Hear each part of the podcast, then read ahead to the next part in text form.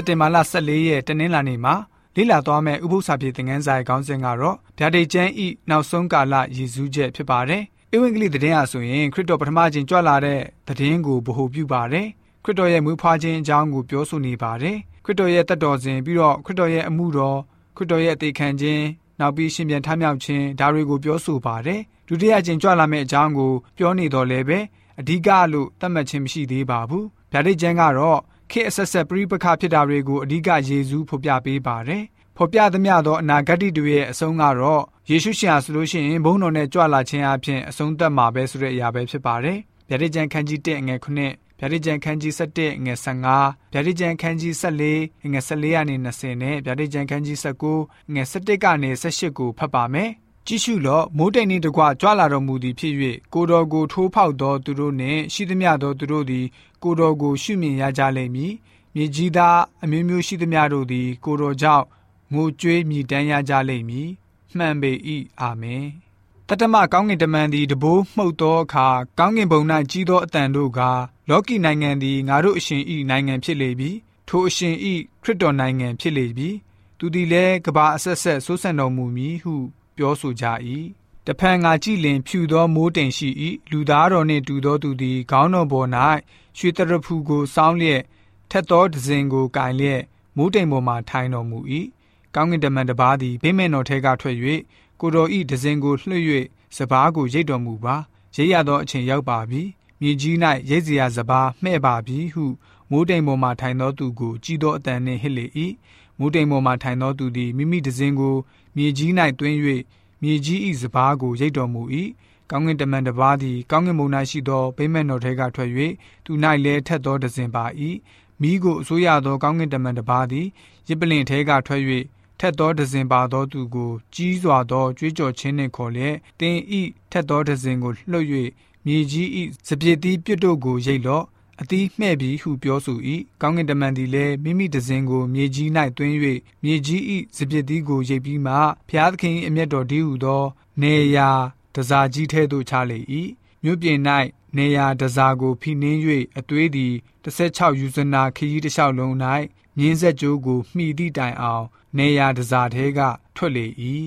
ထိုအခါကောင်းကင်ဘုံဖွင့်လင်းလျက်ရှိသည်ကိုငါမြင်လင်မြင်းဖြူရှိ၏မြင်းစည်းသောသူသည်တစ္ဆာဟုသောအမည်တမာဟုသောအမည်ရှိသည်ထိုသူသည်တရားသဖြင့်စီရင်တတ်၏တရားသဖြင့်စစ်တိုက်တတ်၏မျက်စိတော်သည်မီလီယံကဲ့သို့ဖြစ်၏ ခေါင်းတော်ပေါ်၌တရဖူများကိုဆောင်း၏ကိုတိုင်မတပါအဘယ်သူမျှမတည်သောနာမတော်သည်ရေးထားလျက်ရှိ၏အသွေး၌နှစ်ပြီးသောအဝတ်ကိုဝတ်၏ဖျားသခင်၏နှုတ်ကပတ်တော်ဟူသောအမည်ရှိ၏ကောင်းကင်ဘိုခြေတို့သည်မြင်းဖြူကိုစီးလျက်စင်ကြယ်သောပိတ်ချောဖြူကိုဝတ်လျက်နောက်တော်သို့လိုက်ကြ၏လူမျိုးတို့ကိုဒဏ်ခတ်စရာဖို့ထက်သောတန်လျက်သည်ကတွင်တော်ထဲကထွက်၏ သူတို့ကိုတန်လန်တန်နှင့်အုပ်ဆိုးတော်မူမည်အနန္တတကိုးနှင့်ပြည့်စုံတော်မူသောဘုရားသခင်၏ဒေါသအမျက်တော်၏စပစ်တိနေရာတစားကိုဖိနှင်းတော်မူမည်ဘယင်တို့၏ဘယင်သခင်တို့၏သခင်ဟုဘွဲ့နာမတော်သည်အဝတ်တော်၌၎င်းပေါင်တော်၌၎င်းရေးထားလျက်ရှိ၏ကောင်းကင်တမန်တစ်ပါးသည်နေထဲမှရက်လျက်ရှိသည်ကိုငါမြင်၏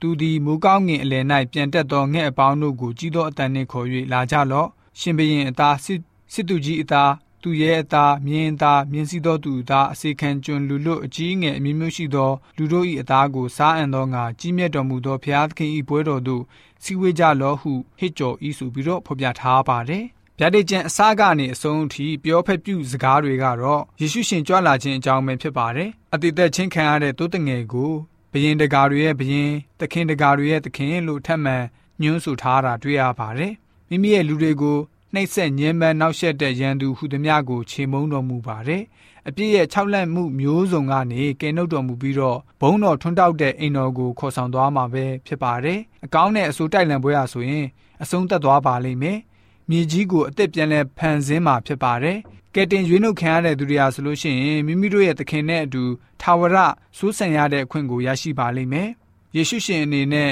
ကြည့်ရှုလို့ငါဟာအလင်းမြင်လာမယ် ဒီစာဆောင်ရဲ့အနာဂတ်စကားကိုစောင့်ရှောက်တဲ့သူဟာမင်္ဂလာရှိတယ်ဆိုပြီးတော့ပြောထားတာတွေ့ရပါတယ်ယေရှုရှင်ဟာဆိုလို့ရှိရင်နောက်ဆုံးမှာဖျားရှင်ရဲ့ကရုဏာတော်ကိုလက်ခံဖို့ဖျားရှင်ရဲ့မေတ္တာတော်ကိုတုံ့ပြန်ကြဖို့လူသားတွေကိုတောင်းဆိုနေပါတယ်ဖျားရှင်ရဲ့စက်မှန်တဲ့အမှန်တရားကိုလိုက်လျှောက်ခြင်းအပြင်ကြွလာတော်မူခြင်းအတွက်အစဉ်သင့်ဖြစ်စေပါတယ်။ဗျာဒိတ်ကျမ်းဆိုလို့ရှိရင်ယေရှုရှင်ရဲ့ဖိတ်ခေါ်ချက်နဲ့အဆုံးသတ်သွားတာတွေ့ရပါတယ်။ ဝိညာဉ်တော်နှင့်မင်္ဂလာဆောင်သူတို့သမီးကလာခဲ့ပါဟုဆိုကြ၏ကြားသောသူကလည်းလာခဲ့ပါဟုဆိုပါစေရင်ငတ်သောသူသည်လာပါစေဆိုပြီးတော့ဗျာဒိတ်ကျန်ခန်းကြီး20နဲ့29မှာဖော်ပြထားပါတယ်ကျွန်တော်တို့ရဲ့အရှင်အားဆိုလို့ရှိရင်ဖျားရှင်စီမှာထာဝရသက်ကိုရယူလိုသူမှန်သမျှကိုဖိတ်ခေါ်နေလျက်ရှိပါတယ်။ဒါကြောင့်ကေတန်ချင်းသတင်းစကားကိုလက်ခံကြိုဆိုတဲ့ကျွန်တော်တို့ရောက်စီတိုင်းကိုလည်းပဲဖိတ်ခေါ်တော်မူပါတယ်။ခရစ်တော်ပြန်လည်ကြွလာခြင်းကိုကြိုဆိုနိုင်ဖို့ အခြားသူတွေကိုလည်းပဲခေါ်ဖိတ်ပြီးတော့ဖျားရှင်မြတ်တာတော်ကိုလက်ခံဖို့ကျွန်တော်တို့အနေနဲ့ဟောပြောဝေငါတက်တည်ခံရမှာဖြစ်ပါတယ်။ယေရှုရှင်မကြခင်မှာပြန်လည်ကြွလာတော့မယ့်သတင်းကိုဟောကြားပြီးတော့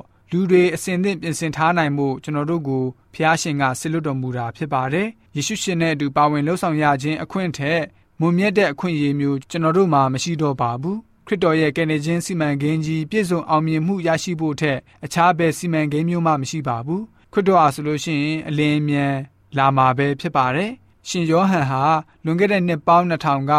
အဲ့ဒီသတင်းစကားကိုရေးသားခဲ့ပါတယ်။တူတကြောင် နှစ်ပေါင်းများစွာကဖော်ပြပေးခဲ့တဲ့သတင်းစကားဟာဆိုလို့ရှိရင်မကြာမီမှာပြည့်စုံမှာဖြစ်တဲ့အတွက်ခရစ်တော်ဒုတိယကျင့်ကြွလာဖို့နီးလာပြီဖြစ်တဲ့အတွက်ကျွန်တော်တို့ယုံကြည်သူများအနေနဲ့မိမိတို့ရဲ့အသက်တာမှာဗျာဒိတ်ကျမ်းကဖော်ပြချက်များကိုတည်တည်ချာချာလေ့လာပြီးတော့ယေရှုရှင်ကြွလာခြင်းအတွက်အစဉ်သင့်ရှိနေကြတဲ့ယုံကြည်သူတွေဖြစ်စေဖို့အတွက်တနင်္လာနေ့ဥပုသ္စာဖြစ်တဲ့ငန်းစာကဖော်ပြထားပါတယ်။